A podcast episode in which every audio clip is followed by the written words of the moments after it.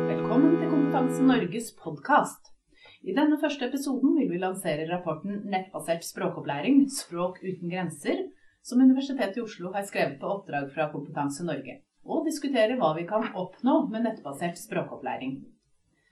Gerard Dodges, du er hovedforfatteren av kunnskapsoppsummeringen om nettbasert språkopplæring. Og du er språkviter og førsteamanuensis ved Universitetet i Oslo. Velkommen skal du være. Takk skal du ha. Du har selv lært deg norsk som andrespråk. Kan jeg spørre om hvor mange digitale verktøy som fantes den gangen du lærte norsk? Det var et uh, interessant spørsmål. Jeg har egentlig aldri tenkt på det. Uh, jeg har i hvert fall ikke tatt noen verktøy aktivt og veldig bevisst i bruk. Kanskje bortsett fra eh, ordboka, da. Den digitale ordboken? Ja. Mm. Ordbok.uib.no. Nettopp. Uh, Rune Ares, du er rektor og avdelingsleder for norskskolen ved Læringssenteret i Larvik. Velkommen til deg også. Takk for det. Uh, Rune, du har lang erfaring med nettbasert språkopplæring, og skolen din har lenge hatt fokus på å være digitale. Er du og lærerne hos deg en slik gjeng som tilbringer påskeferien med gaming uh, på The Gathering på Hamar og bygger deres egne PC-er i kjelleren? Eller er dere helt sånn vanlige folk sånn som meg, som bare leverer PC-en min til IT-avdelingen hvis noe er galt? Og så må få en kollega til å fikse skjermen min når jeg er i gang med presentasjon, og videoen ikke kommer opp som forventet.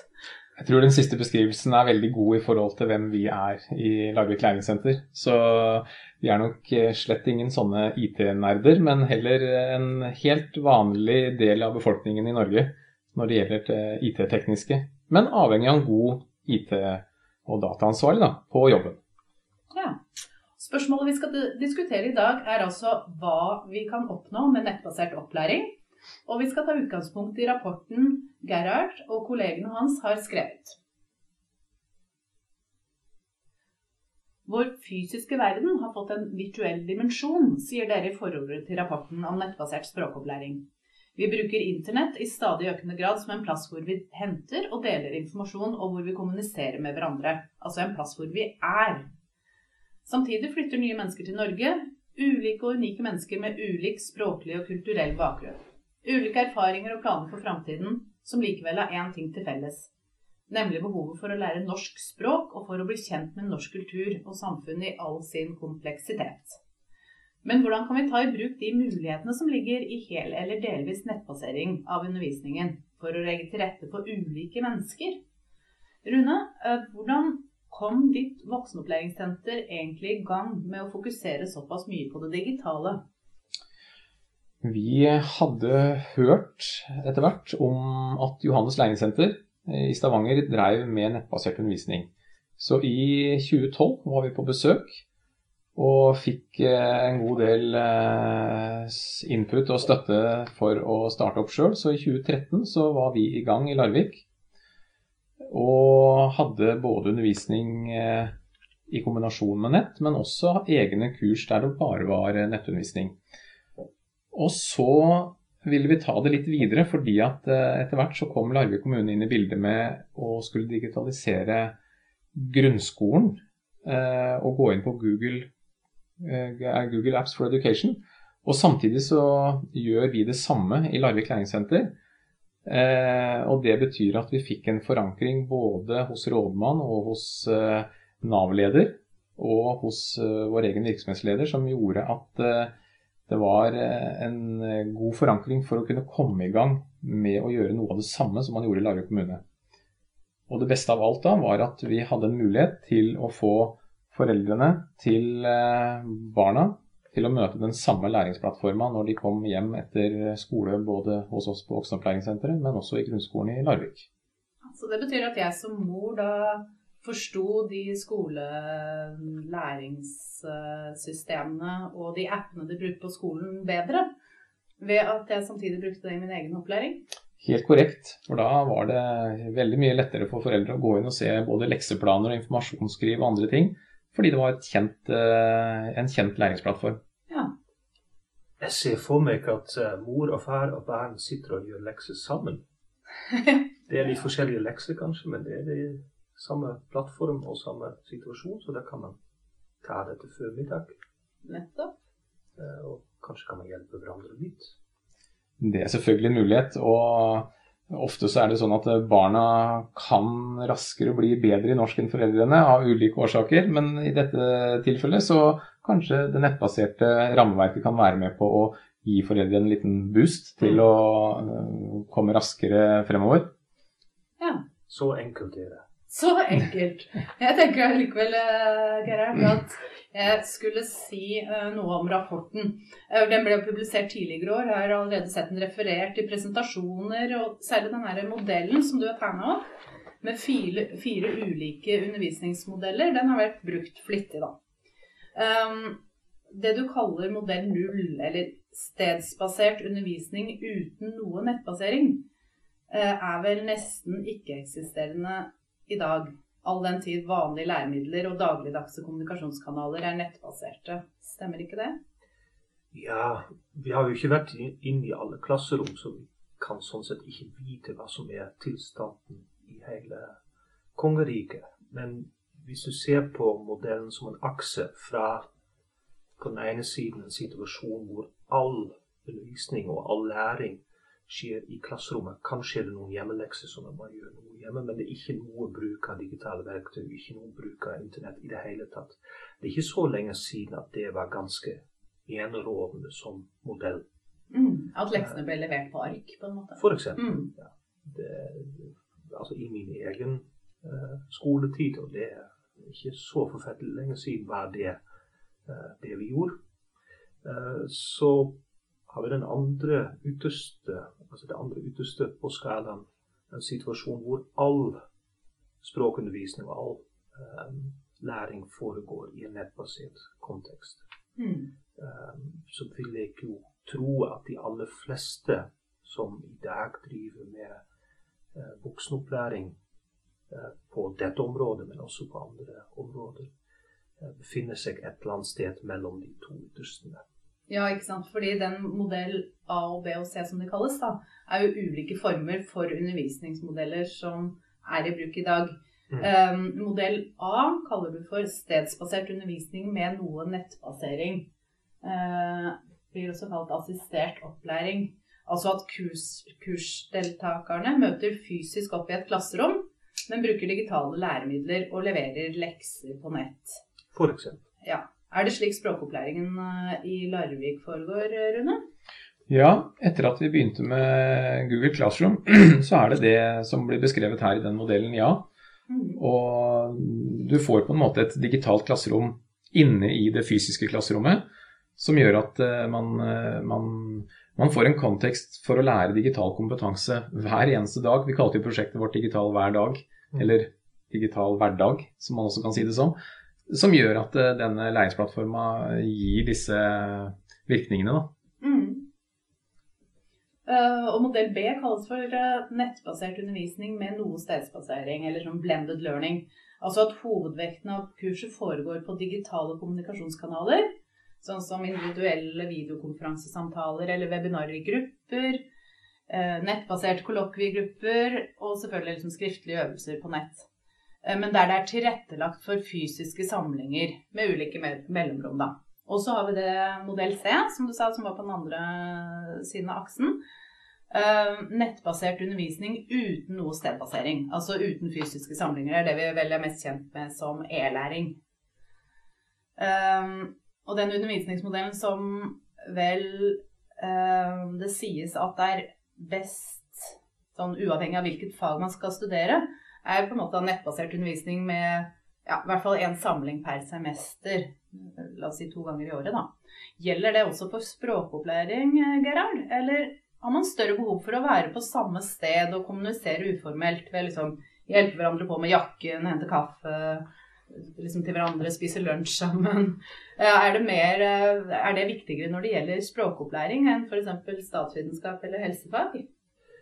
Jeg tror det viktigste her er, er å se hva som er mulig å få til, og, som, og se hva som ville vært naturlig i den situasjonen man befinner seg i. Hvis alle kursdeltakere er i Larvik, og de har mulighet til å møte opp to eller tre ganger i uken. Um, og læreren er også i Larvik og kan være på samme sted, så er det kanskje veldig unaturlig å ha et komplett nettbasert kurs.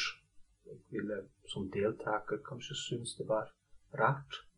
Eh, likevel, også i den situasjonen vil det være sånn at deltakerne bruker mobiltelefon, bruker eh, PC, iPad i sin hverdag. De er utplassert på arbeidsplasser, eh, eller har kanskje allerede fått jobb, eh, hvor de også bruker eh, ulike digitale verktøy, har også mulighet til å ta med eksempler fra de stedene de er utenom skolebygget, inn i læringen.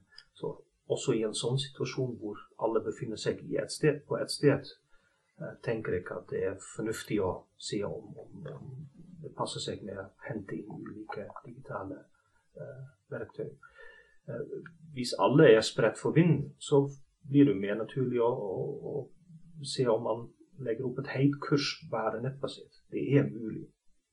Uansett hvilken modell man faller ned på, så er det avgjørende at man skaper eh, veldig mange forskjellige situasjoner hvor deltakerne kan bruke språket. For det er bare sånn man kan lære et språk. Mm. Uh, vi må ikke falle tilbake på en måte å lære språk på eh, som uh, veldig på sånn pugging av ord, pugging av grammatiske konstruksjoner. Det er veldig lett å gjøre med hjelp av ulike apper. Eh, for da er man jo også inne på når man tenker på hva slags eh, merverdi som ligger i nettbasering mm. av språkundervisning. Det med anonymitet og avstand. Eh, det er noe du har sett på i rapporten at kan være en fordel i forhold til å bruke nettbasert undervisning. Ja, før eller senere må vi jo bruke språket, ta språket i bruk i virkelige situasjoner. Og i de situasjonene kan man ikke være anonym. Eh, men um, på veien dit så kan det faktisk være uh, sånn at uh, deltakere kanskje føler at de kan så lite norsk at de føler seg hemmet av det. At de uh, det vi i eh, forskningen kaller language anxiety, at de er preget av en angst, altså en hemning til å i det hele tatt snakke. Mm. Og da kan det jo i noen tilfeller være greit å trekke seg litt tilbake bak det vi kaller det avatar. Mm. Bare ta på seg en rolle, lage seg en figur, være en annen person en stund.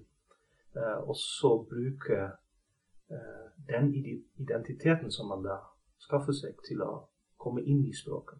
Ja, ja, ja. Men før, før eller senere må vi ut av den virtuelle, anonyme verden. Vi må inn i virkeligheten. Riktig. Og der er du inne på noe morsomt, da, det med, det med bruk av spill. Uh, har du noen erfaring med bruk av spill eller apper eller uh, eh, AR, altså augmented reality, uh, hos dere, Rune? ja. bare først kommentere det Gerhard sier i forhold til eh, ren nettbasert kontra det med å ha det i en, eh, en, eh, en blanding eh, hvor man også har møtepunkter. Det er klart våre deltakere har ofte et behov for å treffe hverandre for nettopp ferdigheten som går på muntlig å gjøre. Som du også nevner, at eh, det er ofte det man savner da, ved at man ikke har eventuelt nok møtepunkter. Eh, og så må man finne løsninger som gjør at eh, det blir nok, da, hvis det er mulig. Men tilbake til dette med bruken av eh, det digitale hjelpemiddelet med f.eks. Apper, så vet jeg bl.a. at hos oss er det i alfabetiseringsgruppa eh, og spor 1-gruppa så bruker man iPad hyppig. Eh, så selv om man ikke har et norsk språk å kommunisere med, så kan man bruke iPaden, ta med hjem. Man har f.eks. tema bolig. Eh, man tar bilder, man kommer tilbake og kan formidle, presentere. Eh, man har apper som gjør at man kan skrive norske bokstaver eh, og få dette lest, trukket sammen, høre. Og i forhold til første lese- og skriveopplæringa så er det kjempeflotte muligheter ved å bruke digitale hjelpemidler på den måten du skisserer, Karoline. Og ellers videre oppover i forhold til det med, med digital læringsplattform, med flipped classroom. Mm. Så, og det å legge ut andre ressurser som man kan forberede seg til timen på, er for veldig mange lærere en helt ny ressurs som man ser er veldig bra og individuelt tilpassa den enkelte deltaker. For det er kanskje det største potensialet som et nettbasert undervisning har, er at man ser den enkelte deltaker enda bedre og på en litt annen måte enn det man gjør i et klasserom. Uh, der har man en mulighet til å drukne litt.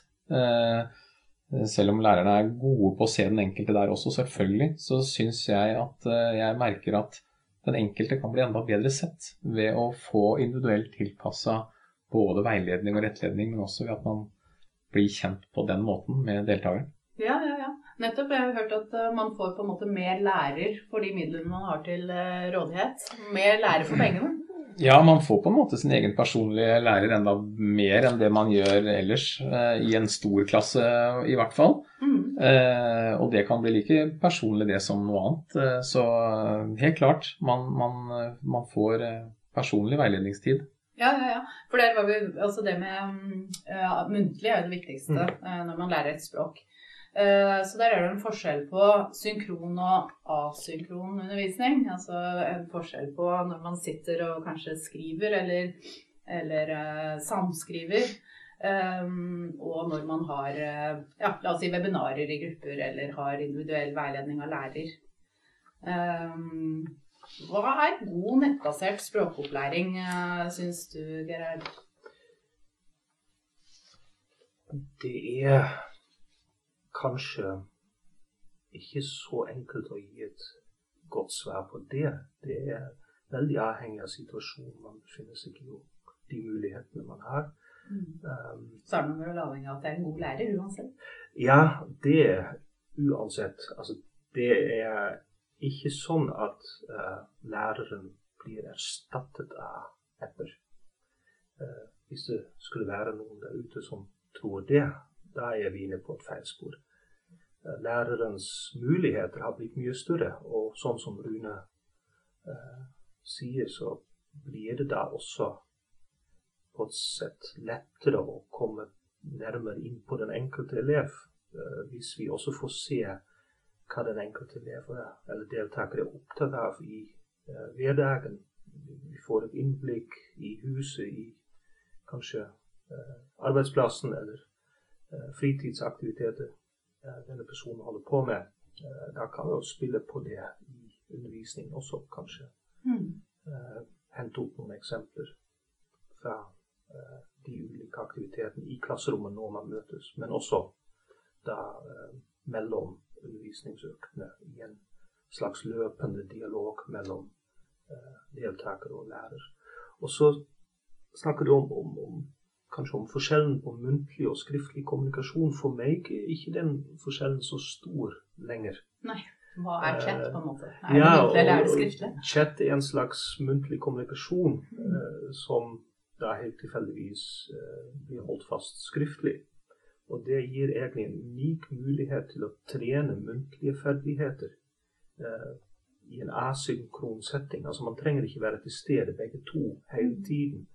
Eh, læreren kan ta seg råd til å uh, spise middag og uh, ta kvelden fri og fortsette samtalen neste dag på chatten. Og det er en god trening sånn sett. Den spontane dialogen som finner sted i WhatsApp eller på Facebook eller hvor det nå måtte være. Eh, en god trening for en senere eh, muntlig interaksjon i et klasserom eller ute et eller annet sted.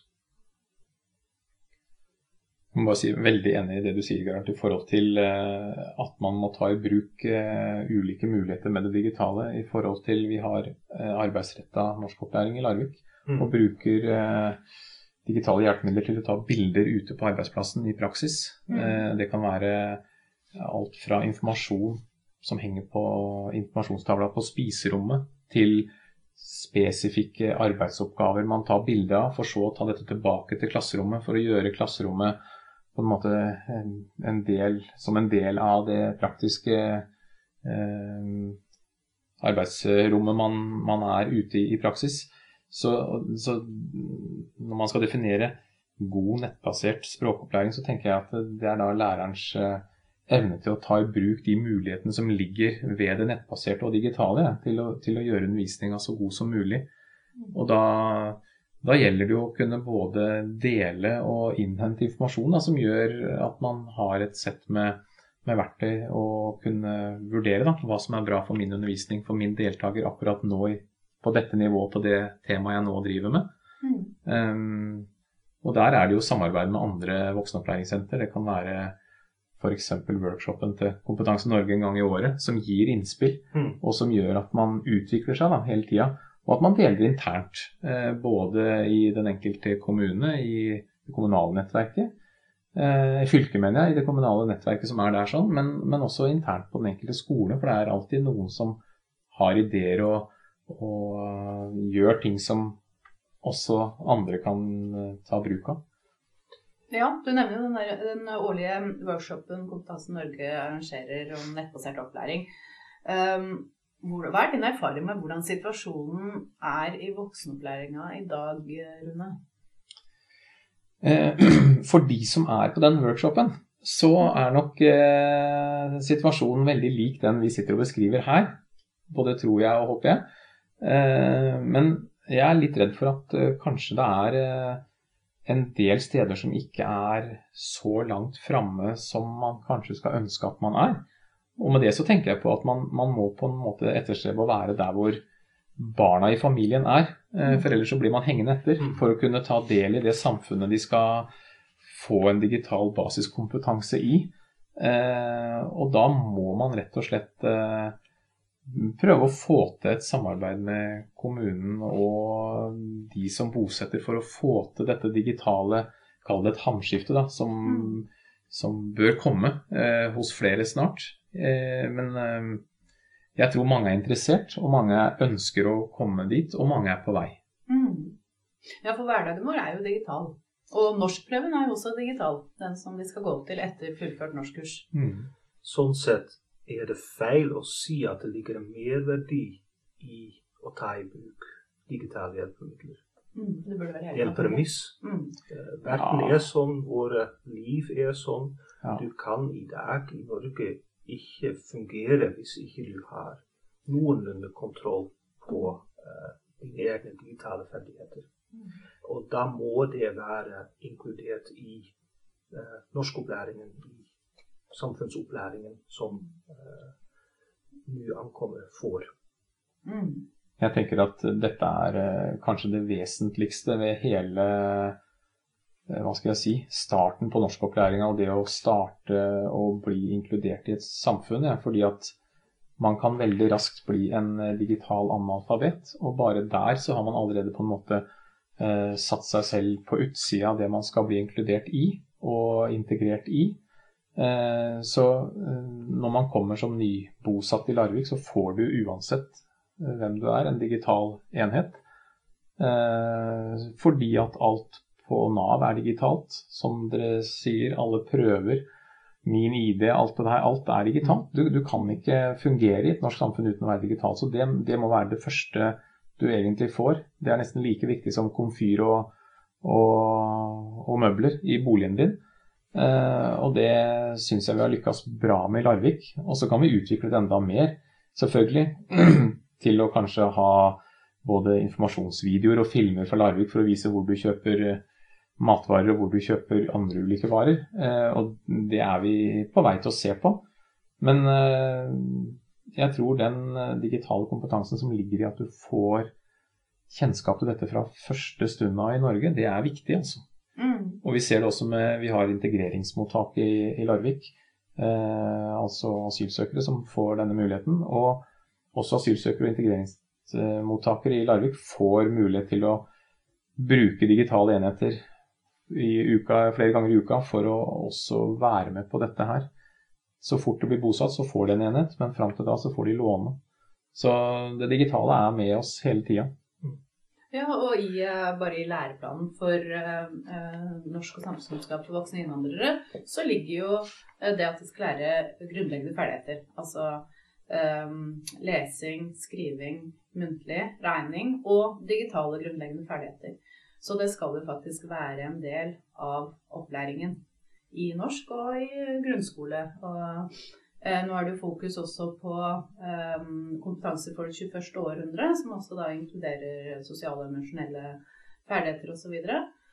Um, og når kunnskap skal da konstrueres i fellesskap, um, så blir kursdeltakerne flinkere til å bruke kompetanse for det 21. århundre. Det er som samarbeid, sosiale egenskaper.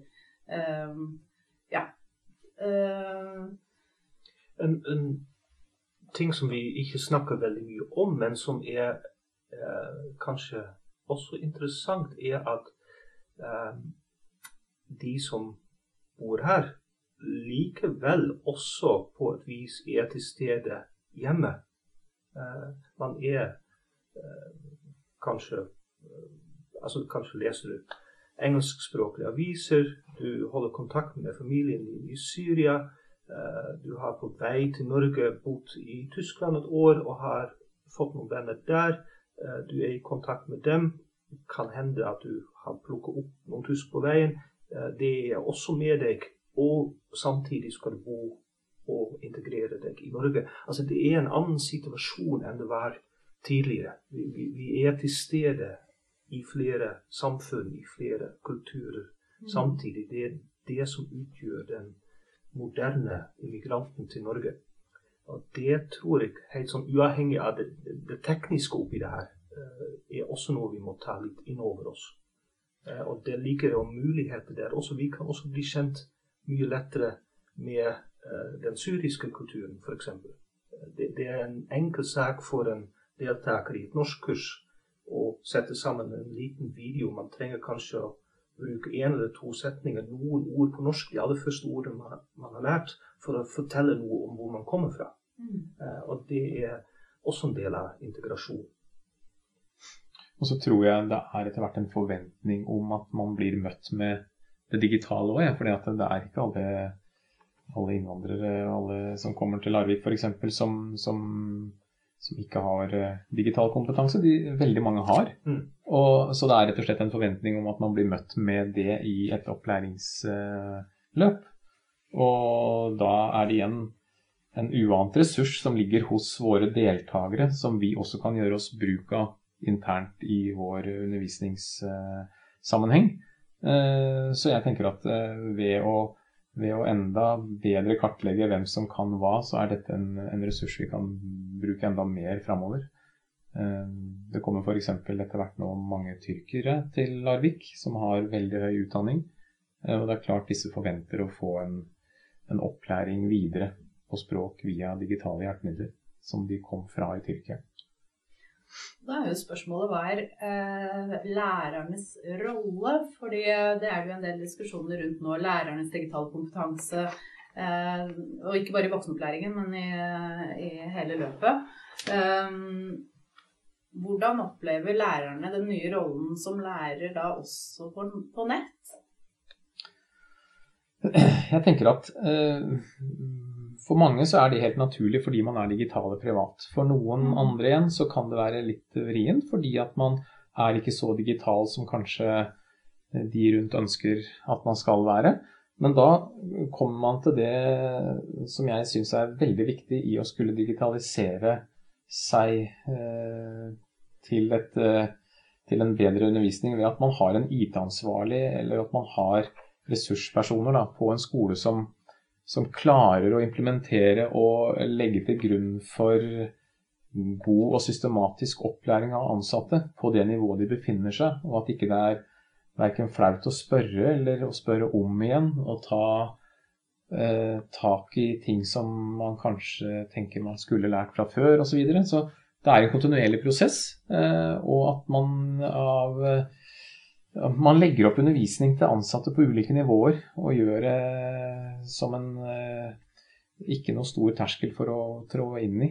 Eh, det er nok et, eh, et viktig moment for å lykkes. For alle må med. For det er som blir sagt her, en forventning om at læreren er digital. Og da, da må man kaste seg uti det, og da må man ha noen trygge rammer. Og det må skoleledelse og IT-ansvarlig og medarbeidere skape sammen. Mm, ja, for det er jo ikke bare snakk om da grunnleggende digital kompetanse. Det er jo snakk om uh, at man må ha digital pedagogisk kompetanse uh, for å vite uh, når man skal bruke digitale verktøy, hvordan og hva det kan føre til av økt læringsutbytte. Det gjelder jo ikke bare, som jeg spøkte med innledningsvis, å klare å skru på den videoen når man skal vise en film. Men, men da, da, tenker jeg at den, den IT-personen i, i, et voksenopplæringssenter som jeg, som jeg, kommer med som eksempel her nå, er, den er kjempeviktig fordi at uh, i vårt eh, tilfelle så har vedkommende også pedagogisk bakgrunn pluss IT-erfaring. Mm. Og det å på et pedagogisk, uh, ha et pedagogisk bakteppe når man legger opp mm. både tanker rundt undervisning til deltakere, men også opplæringa til de ansatte, så, så gjør det at uh, man får en rett vinkling da, i mine øyne til at man kan komme til å lykkes. Eh, hvis man har med seg det pedagogiske inn, for ellers så tror jeg det kan bli litt skummelt. Og en litt sånn eh, stor, eh, stort eh, hva skal jeg si, mm, mellomrom mellom hva man ønsker og hva man faktisk kan få til, hvis man bare sier at dette er noe man skal. Man må skynde seg litt langsomt, og man må få til gode opplæringsløsninger. Og så er det ikke verktøyene som bestemmer hvordan opplæringen legges opp. Det er lærerens jobb. Mm. Hvis du lærer et språk, eller hvis du lærer bort et språk, da er det din jobb å sørge for at deltakerne på et tidspunkt er i stand til å kommunisere skriftlig og kommunisere muntlig. Det er skjebnen i det. Sammen med de to ferdighetene hører selvsagt eh, innsikt i kultur og samfunn. Alt det der er flettet sammen i en pakke, og det går skritt for skritt for skritt for skritt. Veldig mange skritt, veldig langsomt fram. Eh, det er det som er målet, og det er det som er jobben. Og som lærer blir det da opp til deg egentlig, eller opp til fellesskapet på en skole eller på et læresenter, å se hvilke verktøy kan vi ta i bruk på hvilket tidspunkt i dette løpet. Det er ikke sånn at vi sier ok, nå er Skype løsningen for alt mulig rart, uh, så det er bare å legge opp all undervisning på Skype. Det er omvendt. Altså det, det, er alltid læreren som må avgjøre uh, hvilke verktøy som passer med det som er målet for opplæringen der og da. Mm. Det er flott du understreker det, fordi at mange lærere kan nok komme til å sitte og tenke at er det nå slutt på, på formidlingsevnen til, til, den enkelte og sånne ting. fordi at mm, det er jo en gang sånn at det er læreren som, som legger opp det pedagogiske i klassen, og at dette nye digitale, nye og nye, det har vart lenge, men at det ikke skal erstatte det som fungerer bra fra før av, men være en tilleggsressurs som gjør at det blir en enda bedre eh, hva skal jeg si, totalløsning på undervisningen. Så jeg tror eh, at læreren er fortsatt den som på en måte eh, gir undervisninga det innholdet som faktisk eh, den enkelte deltaker får best utbytte av, men med mulige digitale løsninger og nettressurser som en tilleggsressurs inn. Da. Mm. Og det kan jo bli litt, uh, litt mye. Altså det er så mange apper, og det er så mange verktøy, det er så mange ting man kan ta i bruk, at man kan jo bli uh, sprø av mindre, hvis jeg får si det sånn. Altså, kanskje gjør vi det for vanskelig. Kanskje er det greit å si vet du hva, det her er ikke så komplisert. Vi trenger et verktøy hvor deltakerne våre seg imellom, og vi med deltakerne, uh, kan uh, skrive sammen i clouden et eller annet sted. Og Det kan godt være en, en, en, eh, app som WhatsApp, altså hvor man kan chatte fram og tilbake, eller et samskrivingsverktøy som, uh, som Google har. Uh, det er én ting vi trenger. Så trenger vi et sted hvor vi kan snakke sammen muntlig. En, en eller annen videoløsning som fungerer greit nok. Sånn at vi har det. Da har vi to steder hvor vi kan være utenom klasserommet. Der er vi vi jobber nettbasert. Og det holder ganske langt. altså, man, man, kan kanskje si til seg sjøl altså, Til å begynne med så skal jeg sørge for som lærer at jeg får kontroll på de to verktøyene. Når det er i boks, så ser jeg hva som finnes utover. Mm. Men så finnes det jo mm, Jeg tenker jo at mennesker liker jo å leke. Ja. Og det skriver du også i rapporten, ikke sant? Eh, mange lærere bruker quizer, spill og rollespill som en del av språkundervisningen, sånn helt uavhengig om den er eh, stedsbasert eller nettbasert. Mm. Um, og på en måte så konkurrerer man kanskje da mot uh, World of Warcraft, eller man kan bruke det i undervisningen. Man kan bruke Minecraft, eller man kan konkurrere mot de timene man bruker på Minecraft. Um, jeg var på en konferanse i Berlin forrige uke, Online Educa, uh, hvor en av påstandene var alle læringserfaringer skal være gøy. Har du noen tanker om det? En av dere? Ja, igjen så tenker jeg at det, det er jo læreren da, som uh, læringa hos, en, uh, hos, et voksenopplæringssenter var forhåpentligvis gøy for uh, eh, 20 år siden også. Mm -hmm. det er i hvert fall veldig mange tilbakemeldinger som viser at deltakere hos oss har det gøy i språkopplæringa. Så jeg våger påstanden at Eh, med de appene som vår IT-ansvarlig tillater. For vi har en pedagogisk vurdering på hvilke apper vi skal bruke, og, vi, og, vi, har en felles forståelse for hva vi skal gjøre. Så tenker jeg at det kan være med på å skape undervisninga til noe som er morsomt, ja da. Eh, og igjen da så er jo det den kulturen og den, eh, den, det klassemiljøet som man skaper med lærer, nettressurs, digitale hjelpemidler til sammen, som gjør at det blir gøy. Så, så, jeg vet ikke om det var noe svar, men det er en tanke i hvert fall, og et, og et, håp om at det er sånn det skal være. Det er i hvert fall lov å ha det gøy. Helt klart.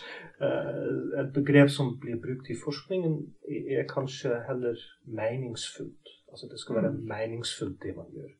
Den inputen, altså det man leser, det man hører som deltaker, som elev, det skal skal ikke være tilfeldig, det skal ikke være oppkonstruert, men det skal være et poeng med det. Mm. Uh, Praksisnært og, det, ja, i, i, en del av hverdagen, en del av resten ja, av livet. De, de, eksemplene som Rune gir her, mm. så er det delvis deltakerne sjøl som kommer med inputen. Uh, den mm. ene elevs produksjon er den andre elevs input. Ja. Uh, og det som gjelder for input, gjelder også for output. Altså det er viktig at de aktivitetene som man planlegger som lærer for gruppen sin, de eh, tekstene deltakerne skal skrive, de samtalene man har i klasserommet, at de er meningsfulle, at de kan brukes, de situasjonene kan brukes også i det virkelige livet. Eh, og da blir det jo fort gøy når man ser at det man gjør i, i klassen, også eh, gir en et verktøy som man kan bruke der ute. Mm. Et godt eksempel på det er eh, Vi holder nå på med, med sjangerpedagogikk for hele læringssenteret. Mm. Eh, nettopp for å kunne, kunne, være enda mer på hva man trenger videre av ulike sjangerbegrep. Eh, så jeg liker egentlig bedre uttrykket ditt meningsfylt enn gøy eh, og morsomt. Fordi at eh, jeg tenker at når noe er meningsfylt, så er det morsomt også. Eh, og ved at man vet hvordan eh, ulike sjangere eh, skal være i forhold til livet videre, hvor man måtte havne i både arbeidsliv og hverdagsliv, så, så er det et eksempel på at noe av undervisninga da blir meningsfylt på den måten. Mm.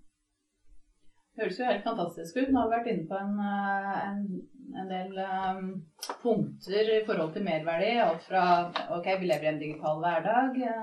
Det er naturlig med digitale oppgaver. Vi får mer lærer per kursdeltaker. Flere deltakere, effektiv tidsbruk osv. Anonymitet og avstand. Men er det noen utfordringer som dere ser i nettbasert opplæring? Ja, jeg har et spørsmål til Rune. For folk er på dag og natt Eh, det å si det ved det digitale som, som eh, er vanskelig å unngå. Eh, hvordan forholder lærerne seg til det? Altså, har de klare grenser for når de er på jobb? Um, når det gjelder de som er uh, rene nettlærere hos oss, så, så, har de faktisk bare sommerferie. Det er mulig dette er å ikke snakke veldig pent i forhold til Utdanningsforbundet og lærer, arbeid, lærernes arbeidstid, men, Men eh, vi har laget en ordning som gjør at de har, eh, de har eh, på en måte mulighet til å sende inn oppgaver, deltakerne altså, mulighet for å sende inn oppgaver og jobbe ellers i året. 24-7. Men så, så, er jo den enkelte lærer som vurderer når, når jeg skal ta denne rettebyrden. Det, det vurderer de sjøl, og så har de en, satt en egen frist til sine deltakere om hvor lang tid det skal gå da, før de får en tilbakemelding. Og til nå så har det gått uh, helt fint. Uh, I forhold til læringsplattform, da, som Google Classroom er, så vil det jo bli satt frister i forhold til innlevering av oppgaver og mm, samskriving og, og, andre ting. Som gjør at en, en, klasselærer som bruker det, som ikke nødvendigvis er en ren nettlærer, uh, har litt mer kontroll. Og, og, treffer jo disse deltakerne dagen etter, mest sannsynlig. Så det er lettere å justere. Men eh, en ren nettlærer har som jeg sier, disse rammene. Og så kommuniserer jo en nettlærer eh, også med deltakere langt borte som kan gi noen hint om at eh, nå, er, nå, er, det juleferie, for å si det sånn. Så det er ikke noe vits i å legge skjul på at kommunikasjon er alltid lurt, uavhengig av om man er ren nettlærer eller klasselærer med digital plattform. Var det noe som, som må gå seg til litt, kanskje? Det er tross alt et forholdsvis nytt fenomen, det vi mm. holder på med. Og det er vel egentlig det samme i resten av arbeidslivet? Ja, ja, ja. Det, er, det, er jo greit å sette grenser for, for seg ja. sjøl. Mm. Jeg tenker det er greit å snakke om det, i hvert fall. Det er jo en del av digital dømmekraft. Det er jo faktisk vite når slår jeg av eller snur min device. Mm. Mm. at man ikke har den på under ja, små barn da, ikke har den på under middagen. Kun lørdager, kun hverdager, et eller annet. Ja. ja, så det er ting som kan vente, og ting som haster litt mer. Så ja. man må lære seg å sortere litt i de forespørslene som kommer. Mm. Så får man noen goder som, som ren nettlærer, og at man kan kan sitte hjemme og rette oppgaver. For det er å høre på lydfiler på en tett arbeidsplass er ikke alltid like lett. Så mm. eh, man disponerer sin egen arbeidstid på en litt annen måte hvis man er en ren nettlærer enn en ellers. Eh, så jeg tenker at enkelte voksenopplæringssenter må finne sine gode løsninger. Mm. Og så kan man eventuelt høre litt med hva, hvordan man løser det på andre senter som har nett, mm. nettlæring. Ja, har du sånn på sparket noen råd og tips til andre ledere og eller lærere eh, som du vil dele nå? Tenker du for å starte opp med Gjerne for å starte opp også. Mm. For det første så er det det med å forankre det her helt til topps i kommunen det mm. viktigste. Eh, for at dette skal bli implementert både hos flere avdelinger og aktører i kommunen som man er avhengig av samarbeid med, så må forankringa være til stede. Mm. Eh, og etter det så er det den implementeringa som skal skje hos alle ansatte. Man må få med alle, og man må gi dette tid. Og man må være eh, nøye med at eh, man, man vurderer innholdet og opplegg rundt denne opplæringa for at det skal bli en del av opplæringa på det enkelte senter. Man må, man må ville det, ikke bare få dette tredd ned, for da er det egentlig dømt til å mislykkes i utgangspunktet. Mm. Så forankring og implementering er vel det viktigste. Ja. Tror jeg. Ja. ja hvilke muligheter ser dere for dere altså i framtiden for nettbasert språkopplæring? Jeg tenker at det blir eh, i hvert fall ikke mindre av det. Fordi at eh, man er på, på hva skal jeg si, på reise mm.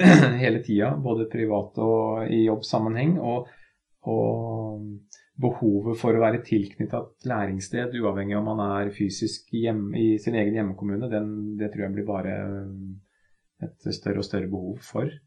Um, så jeg tenker at uh, digital undervisning, nettbasert undervisning, det, det, kommer til å øke mer på. Og så tror jeg man finner undervisningsmodeller der dette også kombineres med fysiske samlinger. og at man, man man finner gode løsninger i den enkelte kommune ettersom hva slags behov deltakere har på det enkelte stedet.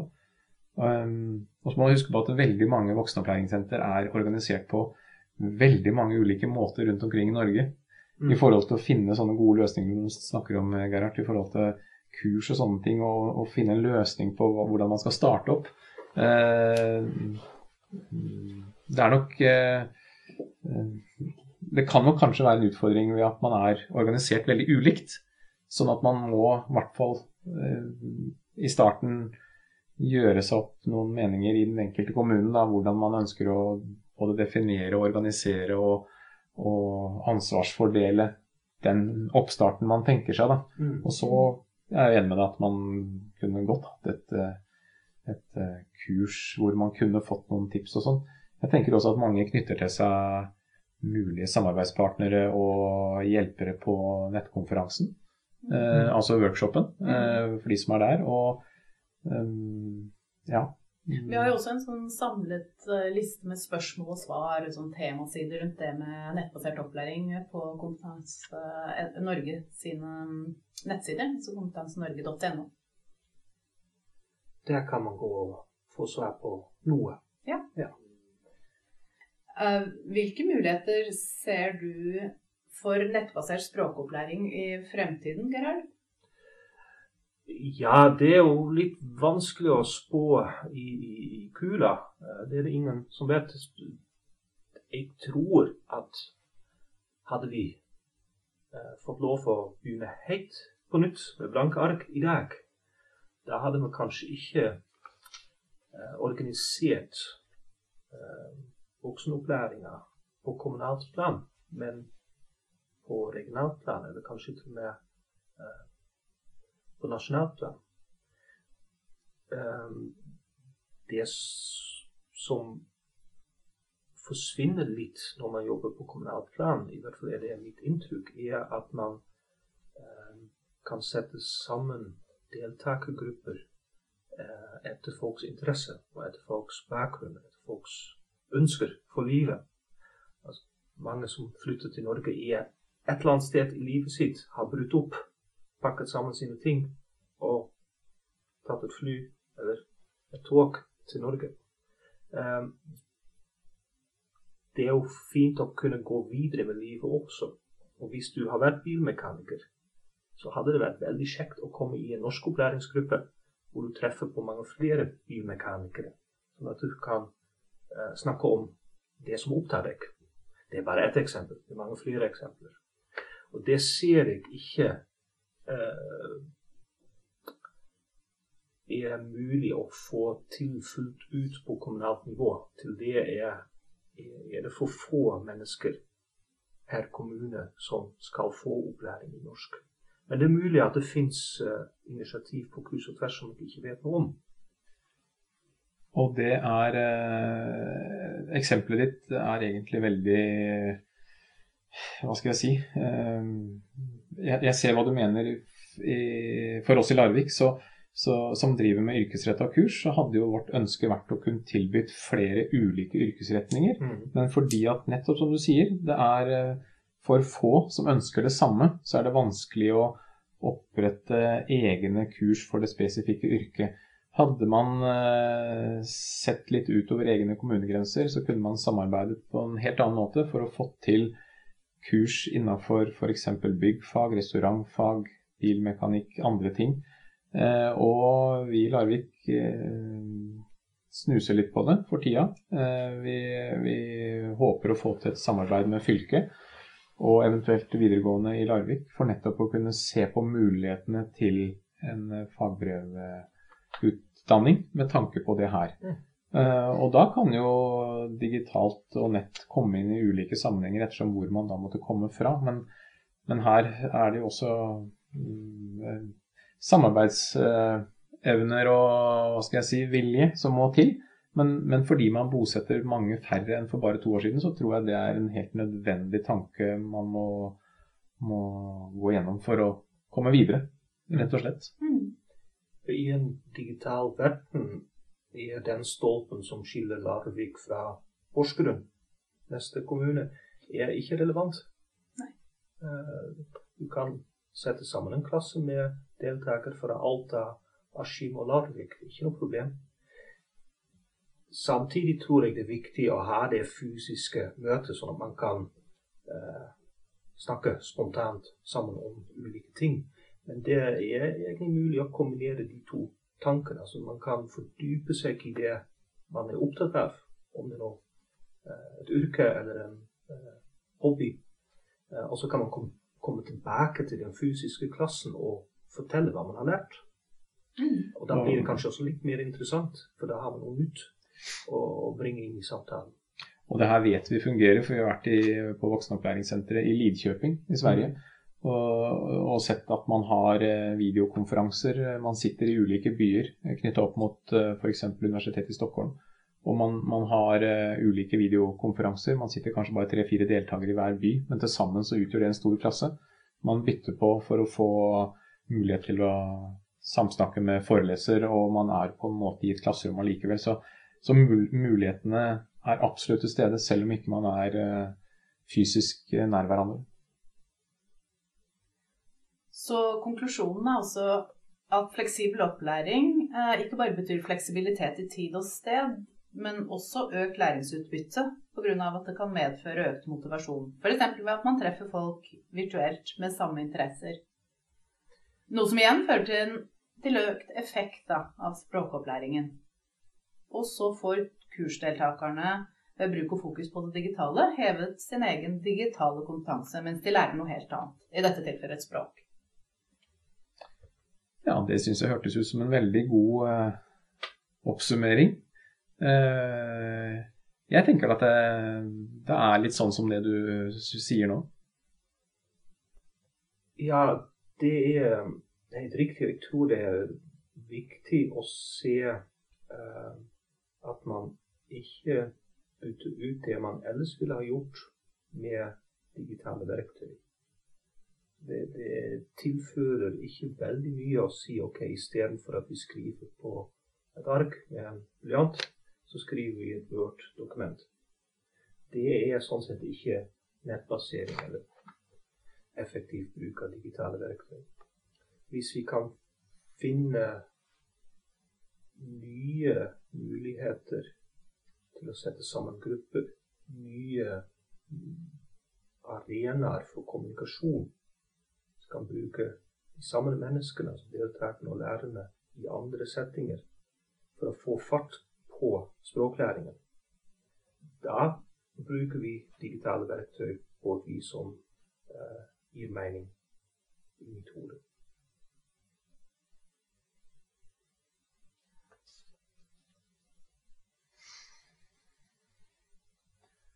Ja, nå har vi snakka litt om uh, lærernes digitale kompetanse.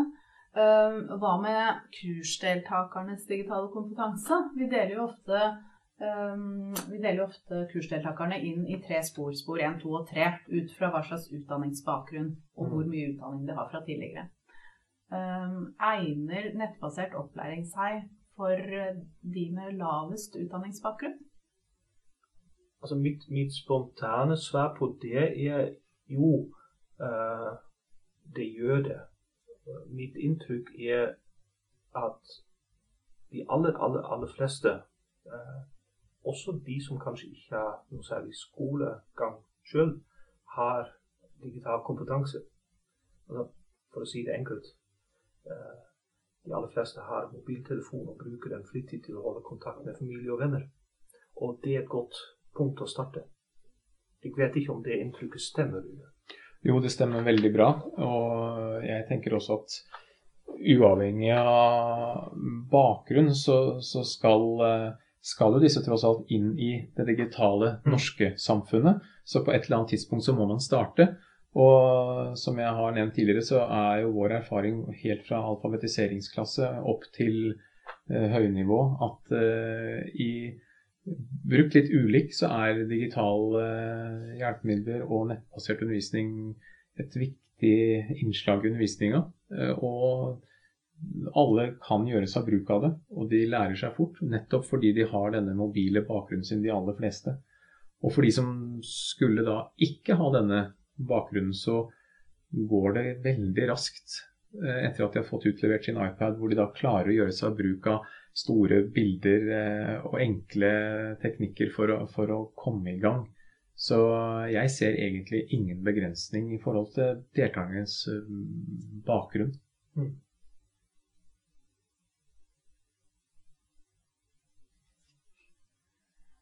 Tusen takk til Gerard Dodges fra Universitetet i Oslo og Rune Aarhus fra Larvik læringssenter for at dere kom for å dele deres erfaringer med oss i Kompetanse Norge, og med de som lytter til denne podkasten.